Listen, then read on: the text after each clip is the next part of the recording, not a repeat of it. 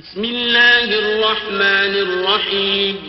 شروع اللہ کے نام سے جو بڑا مہربان نہایت رحم والا ہے۔ الحمد لله الذي له ما في السماوات وما في الأرض وله الحمد في الآخرة وهو الحكيم الخبير سب تعریف اللہ ہی کو سزاوار ہے جو سب چیزوں کا مالک ہے۔ یعنی وہ کہ جو کچھ آسمانوں میں ہے اور جو کچھ زمین میں ہے سب اسی کا ہے اور آخرت میں بھی اسی کی تعریف ہے اور وہ حکمت والا اور خبردار ہے۔ يعلم ما يلج في وما يخرج منها وما ينزل من السماء وما يعرج فيها وهو الرحيم الغفور۔ جو کچھ زمین میں داخل ہوتا ہے اور جو اس میں سے نکلتا ہے اور جو آسمان سے اترتا ہے اور جو اس پر چڑھتا ہے، سب اس کو معلوم ہے، اور وہ مہربان اور بخشنے والا ہے۔ وقال الذين كفروا لا تأتينا الساعة، قل بلى وربي لتأتينكم عالم الغيب، لا يعزب عنه مثقال ذرة في السماوات ولا في الأرض ولا أصغر من ذلك ولا أكبر إلا في كتاب مبين. اور کافر کہتے ہیں کہ قیامت کی گھڑی ہم پر نہیں آئے گی۔ کہہ دو کیوں نہیں آئے گی؟ میرے پروردگار کی قسم وہ تم پر ضرور آ کر رہے گی۔ وہ پروردگار غیب کا جاننے والا ہے۔ ذرا بھر چیز بھی اس سے پوشیدہ نہیں، نہ آسمانوں میں اور نہ زمین میں، اور کوئی چیز اس سے چھوٹی یا بڑی نہیں۔ مگر کتاب روشن میں لکھی ہوئی ہے۔ ليجزي الذين آمنوا وعملوا الصالحات أولئك لهم مغفرة ورزق كريم۔ اس لیے کہ جو لوگ ایمان لائے اور عمل نیک کرتے رہے ان کو بدلہ دے۔ یہی ہیں جن کے لیے بخشش اور عزت کی روزی ہے۔ والذين سعوا في آياتنا معاجزين أولئك لهم عذاب من رجز أليم. اور جنہوں نے ہماری آیتوں میں کوشش کی کہ ہمیں ہرا دیں ان کے لیے سخت درد دینے والے عذاب کی سزا ہے۔ ويرى الذين أوتوا العلم الذي أنزل إليك من ربك هو الحق ويهدي إلى صراط العزيز الحميد اور جن لوگوں کو علم دیا گیا ہے، وہ جانتے ہیں کہ جو قرآن تمہارے پروردگار کی طرف سے تم پر نازل ہوا ہے، وہ حق ہے۔ اور خدائے غالب اور سزاوار تعریف کا رستہ بتاتا ہے۔ وقال الذين كفروا هل ندلكم على رجل ينبئكم إذا مزقتم كل ممزق إنكم لفي خلق جديد اور کافر کہتے ہیں کہ بھلا ہم تمہیں ایسا آدمی بتائیں جو تمہیں خبر دیتا ہے کہ جب تم مر کر بالکل پارا پارا ہو جاؤ گے تو نئے سرے سے پیدا ہوگے۔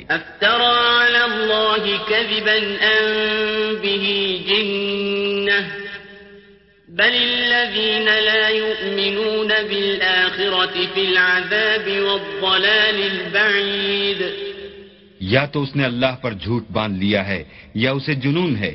بات یہ ہے کہ جو لوگ آخرت پر ایمان نہیں رکھتے، وہ آفت اور پرلے درجے کی گمراہی میں مبتلا ہیں۔ أفلم يروا إلى ما بين أيديهم وما خلفهم من السماء والأرض إن نشأ نخسف بهم الأرض أو نسقط عليهم كسفا من السماء إن في ذلك لآية لكل عبد منيب۔ کیا انہوں نے اس کو نہیں دیکھا جو ان کے آگے اور پیچھے ہے؟ یعنی آسمان اور زمین۔ اگر ہم چاہیں تو ان کو زمین میں دھسا دیں یا ان پر آسمان کے ٹکڑے گرا دیں اس میں ہر بندے کے لیے جو رجوع کرنے والا ہے ایک نشانی ہے۔ ولقد آتينا داود منا فضلا۔ يا جبال أوبي معه والطير وألنا له الحديد. اور ہم نے داؤد کو اپنی طرف سے برتری بخشی تھی۔ اے پہاڑوں ان کے ساتھ تسبیح کرو اور پرندوں کو ان کا مسخر کر دیا اور ان کے لیے ہم نے لوہے کو نرم کر دیا۔ ان اعمل سابغات وقدر في السرد واعملوا صالحا۔ انی بما تعملون بصیر کہ کشادہ زرہ بناؤ اور کڑیوں کو اندازے سے جوڑو اور نیک عمل کرو جو عمل تم کرتے ہو میں ان کو دیکھنے والا ہوں۔ وَلِسُلَيْمَانَ الرِّيحَ غُدُوهَا شَهْرٌ وَرَوَاحُهَا شَهْرٌ وَأَسَلْنَا لَهُ عَيْنَ الْقِطْرِ وَمِنَ الْجِنِّ مَنْ يَعْمَلُ بَيْنَ يَدَيْهِ بِإِذْنِ رَبِّهِ ومن يزغ منهم عن أمرنا نذقه من عذاب السعير اور ہوا کو ہم نے سلیمان کا تابع کر دیا تھا۔ اس کی صبح کی منزل ایک مہینے کی راہ ہوتی اور شام کی منزل بھی مہینے بھر کی ہوتی۔ اور ان کے لیے ہم نے تانبے کا چشمہ بہا دیا تھا۔ اور جنوں میں سے ایسے تھے جو ان کے پروردگار کے حکم سے ان کے آگے کام کرتے تھے۔ اور جو کوئی ان میں سے ہمارے حکم سے پھرے گا، اس کو ہم جہنم کی آگ کا مزہ چکھائیں گے۔ يعملون له ما يشاء من محاريب وتماثيل وجفان كالجواب وقدور الراسيات. اعملوا آل داود شكرا. وقليل من عبادي الشكور. وہ جو چاہتے یہ ان کے لیے بناتے۔ یعنی قلعے اور مجسمے اور بڑے بڑے لگن جیسے تالاب اور دیگیں جو ایک ہی جگہ رکھی رہیں۔ اے داؤد کی اولاد، میرا شکر کرو اور میرے بندوں میں شکر گزار تھوڑے ہیں۔ فلما قضينا عليه الموت ما دلهم على موته إلا دابة الأرض تأكل من سأته فلما خر تبينت الجن أن لو كانوا يعلمون الغيب ما لبثوا في العذاب المهين. پھر جب ہم نے ان کے لیے موت کا حکم صادر کیا، تو کسی چیز سے ان کا مرنا معلوم نہ ہوا، مگر گھن کے کیڑے سے جن کے اصا کو کھاتا رہا۔ جب اصا گر پڑا، تب جنوں کو معلوم ہوا اور کہنے لگے کہ اگر وہ غیب جانتے ہوتے تو ذلت کی تکلیف میں نہ رہتے لقد كان لسبئ في مسكنهم آية جنتان عن يمين وشمال قُلُوا من رزق ربكم واشكروا له بلدة طيبة ورب غفور اہل سبا کے لیے ان کے مقام بود و باش میں ایک نشانی تھی یعنی دو باغ، ایک داہنی طرف اور ایک بائیں طرف۔ اپنے پروردگار کا رزق کھاؤ اور اس کا شکر کرو۔ یہاں تمہارے رہنے کو یہ پاکیزہ شہر ہے اور وہاں بخشنے کو خدا غفار۔ فأعرضوا فأرسلنا عليهم سيل العرم وبدلناهم بجنتيهم جنتين ذواتي أكل، خمط وأكل وشيء من سدر قديد تو انہوں نے شکر گزاری سے منہ پھیر لیا۔ پس ہم نے ان پر زور کا سیلاب چھوڑ دیا اور انہیں ان کے باغوں کے بدلے دو ایسے باغ دیے جن کے میوے بد مزہ تھے اور جن میں کچھ تو جھاؤ تھا اور تھوڑی سی بیریاں۔ بما كفروا وهل الكفور۔ یہ ہم نے ان کی ناشکری کی ان کو سزا دی اور ہم سزا ناشکرے ہی کو دیا کرتے ہیں۔ وجعلنا بينهم وبين القرى التي باركنا فيها قرى ظاهرة وقدرنا فيها السير. سيروا فيها ليالي وأياما آمنين. اور ہم نے ان کے اور شام میں ان کی بستیوں کے درمیان جن میں ہم نے برکت دی تھی، ایک دوسرے کے متصل دیہات بنائے تھے۔ جو سامنے نظر آتے تھے اور ان میں آمد و رفت کا اندازہ مقرر کر دیا تھا کہ رات دن بے خوف و خطر چلتے رہو۔ فقالوا ربنا باعد بين أسفارنا وظلموا أنفسهم فجعلناهم أحاديث ومزقناهم كل ممزق إن في ذلك لآيات لكل صبار شكور۔ تو انہوں نے دعا کی کہ اے پروردگار، ہماری مسافتوں میں بواد اور طول پیدا کر دے، اور اس سے انہوں نے اپنے حق میں ظلم کیا تو ہم نے انہیں نابود کر کے ان کے افسانے بنا دیے اور انہیں بالکل منتشر کر دیا۔ اس میں ہر صابر و شاکر کے لیے نشانیاں ہیں۔ وَلَقَدْ صَدَّقَ عَلَيْهِمْ إِبْلِيسُ ظَنَّهُ فَاتَّبَعُوهُ إِلَّا فَرِيقًا مِّنَ الْمُؤْمِنِينَ۔ اور شیطان نے ان کے بارے میں اپنا خیال سچ کر دکھایا کہ مومنوں کی ایک جماعت کے سوا وہ اس کے پیچھے چل پڑے۔ وما كان له عليهم من سلطان إلا لنعلم من يؤمن بالآخرة ممن هو منها في شك وربك على كل شيء حفيظ اور اس کا ان پر کچھ زور نہ تھا مگر ہمارا مقصود یہ تھا کہ جو لوگ آخرت میں شک رکھتے ہیں، ان سے ان لوگوں کو جو اس پر ایمان رکھتے ہیں، متمیز کر دیں۔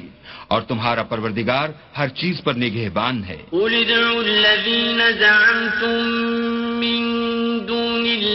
لا يملكون مثقال ذرة في السماوات ولا في الأرض وما لهم فيهما من شرك وما له منهم من ظهير کہہ دو کہ جن کو تم اللہ کے سوا معبود خیال کرتے ہو، ان کو بلاؤ، وہ آسمانوں اور زمین میں ذرا بھر چیز کے بھی مالک نہیں ہیں، اور نہ ان میں ان کی شرکت ہے، اور نہ ان میں سے کوئی اللہ کا مددگار ہے۔ ولا تنفع الشفاعة عنده إلا لمن أذن له حتى إذا فزع عن قلوبهم قالوا ماذا قال ربكم قالوا الحق وهو العلي الكبير۔ اور اللہ کے ہاں کسی کے لیے سفارش فائدہ نہ دے گی، مگر اس کے لیے جس کے بارے میں وہ اجازت بخشے، یہاں تک کہ جب ان کے دلوں سے اجتراب دور کر دیا جائے گا، تو کہیں گے کہ تمہارے پروردگار نے کیا فرمایا ہے؟ فرشتے کہیں گے کہ حق فرمایا ہے، اور وہ عالی رتبہ اور گرامی قدر ہے۔ قل من يرزقكم من السماوات والأرض قل الله وإنا أو إياكم لعلى هدى أو في ضلال مبين پوچھو کہ تم کو آسمانوں اور زمین سے کون رزق دیتا ہے؟ کہو کہ اللہ۔ اور ہم یا تم یا تو سیدھے رستے پر ہیں یا سریح گمراہی میں۔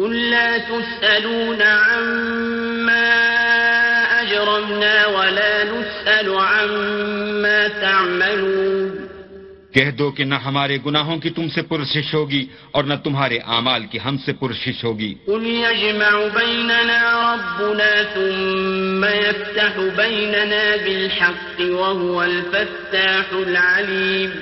کہہ دو کہ ہمارا پروردگار ہم کو جمع کرے گا پھر ہمارے درمیان انصاف کے ساتھ فیصلہ کر دے گا۔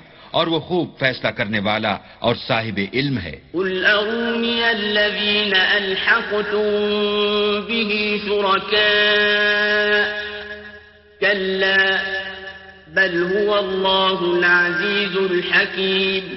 کہو کہ مجھے وہ لوگ تو دکھاؤ جن کو تم نے شریک خدا بنا کر اس کے ساتھ ملا رکھا ہے۔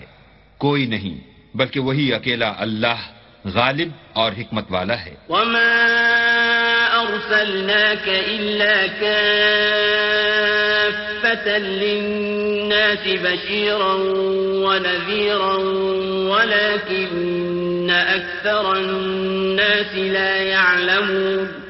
اور اے محمد صلی اللہ علیہ وآلہ وسلم، ہم نے تم کو تمام لوگوں کے لیے خوشخبری سنانے والا اور ڈرانے والا بنا کر بھیجا ہے، لیکن اکثر لوگ نہیں جانتے۔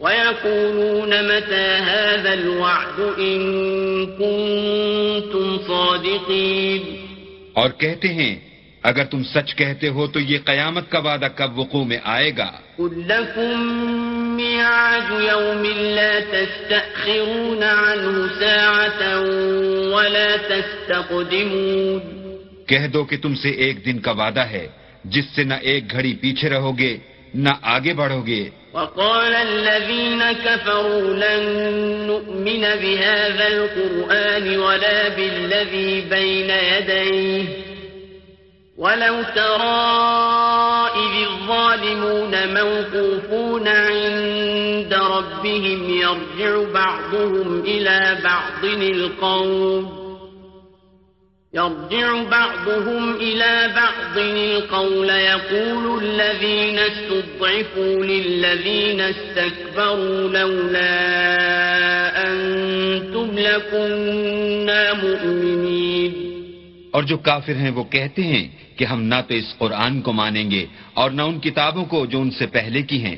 اور کاش ان ظالموں کو تم اس وقت دیکھو جب یہ اپنے پروردگار کے سامنے کھڑے ہوں گے۔ اور ایک دوسرے سے رد و قد کر رہے ہوں گے۔ جو لوگ کمزور سمجھے جاتے تھے، وہ بڑے لوگوں سے کہیں گے کہ اگر تم نہ ہوتے تو ہم ضرور مومن ہو جاتے۔ قال الذين استكبروا للذين استضعفوا أنحن صددناكم عن الهدى بعد إذ جاءكم بل كنتم بڑے لوگ کمزوروں سے کہیں گے کہ بھلا ہم نے تم کو ہدایت سے جب وہ تمہارے پاس آ چکی تھی، روکا تھا؟ نہیں، بلکہ تم ہی گناہ گار تھے۔ وقال الذين استضعفوا للذين استكبروا بل مكر الليل والنهار إذ تأمروننا أن نكفر بالله. إذ تأمروننا نكفر بالله ونجعل له أندادا وأسروا الندامة لما رأوا العذاب وجعلنا الأغلال في أعناق الذين كفروا هل يجزون إلا ما كانوا يعملون اور کمزور لوگ بڑے لوگوں سے کہیں گے، نہیں، بلکہ تمہاری رات دن کی چالوں نے ہمیں روک رکھا تھا۔ جب تم ہم سے کہتے تھے کہ ہم اللہ سے کفر کریں اور اس کا شریک بنائیں، اور جب وہ عذاب کو دیکھیں گے تو دل میں پشیمان ہوں گے اور ہم کافروں کی گردنوں میں توق ڈال دیں گے۔ بس جو عمل وہ کرتے تھے، انہی کا ان کو بدلہ ملے گا۔ وما أرسلنا في قرية من نذير إلا قال مترفوها إنا بما أرسلتم به كافرون اور ہم نے کسی بستی میں کوئی ڈرانے والا نہیں بھیجا، مگر وہاں کے خوشحال لوگوں نے کہا کہ جو چیز تم دے کر بھیجے گئے ہو ہم اس کے قائل نہیں۔ وقالوا نحن أكثر أموالا وأولادا وما نحن بمعذبين۔ اور یہ بھی کہنے لگے کہ ہم بہت سا مال اور اولاد رکھتے ہیں اور ہم کو عذاب نہیں ہوگا۔ قل إن ربي يبسط الرزق لمن يشاء ويقدر ولكن أكثر الناس لا يعلمون کہہ دو کہ میرا رب جس کے لیے چاہتا ہے روزی فراخ کر دیتا ہے اور جس کے لیے چاہتا ہے تنگ کر دیتا ہے لیکن اکثر لوگ نہیں جانتے۔ وما أموالكم ولا أولادكم بالتي تقربكم عندنا زلفى إلا من آمن وعمل صالحا إلا من آمن وعمل صالحا فأولئك لهم جزاء الضعف بما عملوا وهم في الغرفات آمنون اور تمہارا مال اور اولاد ایسی چیز نہیں کہ تم کو ہمارا مقرب بنا دیں۔ ہاں ہمارا مقرب وہ ہے جو ایمان لایا اور عمل نیک کرتا رہا۔ ایسے ہی لوگوں کو ان کے اعمال کے سبب دگنا بدلہ ملے گا۔ اور وہ خاطر جمع سے بالا خانوں میں بیٹھے ہوں گے۔ والذين يسعون في آياتنا معاجزين أولئك في العذاب محضرون۔ جو لوگ ہماری آیتوں میں کوشش کرتے ہیں کہ ہمیں ہرا دیں وہ عذاب میں حاضر کیے جائیں گے۔ قل ربي يبسط الرزق لمن من عباده ويقدر له وما أنفقتم من شيء فهو يخلفه وهو خير الرازقين. کہہ دو کہ میرا پروردگار اپنے بندوں میں سے جس کے لیے چاہتا ہے روزی فراخ کر دیتا ہے اور جس کے لیے چاہتا ہے تنگ کر دیتا ہے، اور تم جو چیز خرچ کرو گے، وہ اس کا تمہیں ایوز دے گا، وہ سب سے بہتر رزق دینے والا ہے۔ ويوم يحشرهم جميعا ثم يقول للملائكة أهؤلاء إياكم كانوا يعبدون اور جس دن وہ ان سب کو جمع کرے گا پھر فرشتوں سے فرمائے گا کیا یہ لوگ تم کو پوجا کرتے تھے؟ قالوا سبحانك أنت ولينا من دونهم بل كانوا يعبدون الجن أكثرهم بهم مؤمنون. وہ کہیں گے، تو پاک ہے، تو ہی ہمارا دوست ہے، نہ یہ بلکہ یہ جنات کو پوجا کرتے تھے اور اکثر انہی کو مانتے تھے۔ فاليوم لا يملك بعضكم لبعض نفعا ولا ضرا ونقول للذين ظلموا ذوقوا عذاب النار التي كنتم بها تكذبون۔ تو آج تم میں سے کوئی کسی کو نفع اور نقصان پہنچانے کا اختیار نہیں رکھتا اور ہم ظالموں سے کہیں گے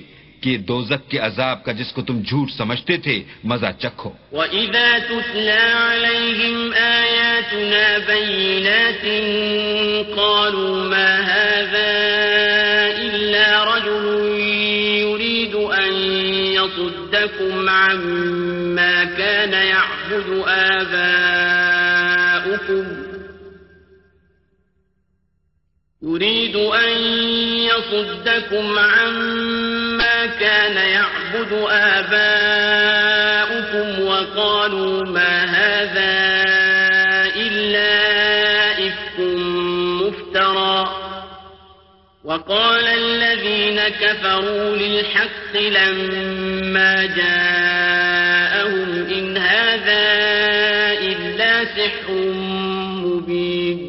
اور جب ان کو ہماری روشن آیتیں پڑھ کر سنائی جاتی ہیں تو کہتے ہیں، یہ ایک ایسا شخص ہے جو چاہتا ہے کہ جن چیزوں کی تمہارے باپ دادا پرستش کیا کرتے تھے، ان سے تم کو روک دے۔ اور یہ بھی کہتے ہیں کہ یہ قرآن محض جھوٹ ہے جو اپنی طرف سے بنا لیا گیا ہے۔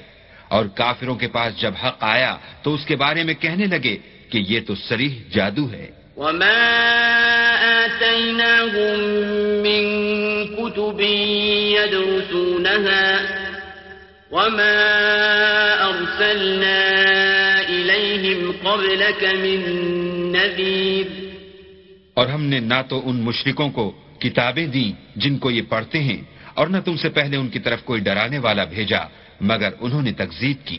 وكذب الذين من قبلهم وما بلغوا معشار ما آتيناهم فكذبوا رسلي. فكيف كان نكير؟ اور جو لوگ ان سے پہلے تھے، انہوں نے تکذیب کی تھی، اور جو کچھ ہم نے ان کو دیا تھا، یہ اس کے دسویں حصے کو بھی نہیں پہنچے۔ تو انہوں نے میرے پیغمبروں کو جھٹلایا، سو میرا عذاب کیسا ہوا؟ قل إنما أعظكم بواحدة تقوموا لله مثنى وفرادا ثم تتفكروا ما بصاحبكم جنة إن هو إلا نذير لكم بين يدي عذاب شديد۔ کہہ دو کہ میں تمہیں صرف ایک بات کی نصیحت کرتا ہوں، کہ تم اللہ کے لیے دو دو اور اکیلے اکیلے کھڑے ہو جاؤ، پھر غور کرو، تمہارے رفیق کو مطلق سودا نہیں۔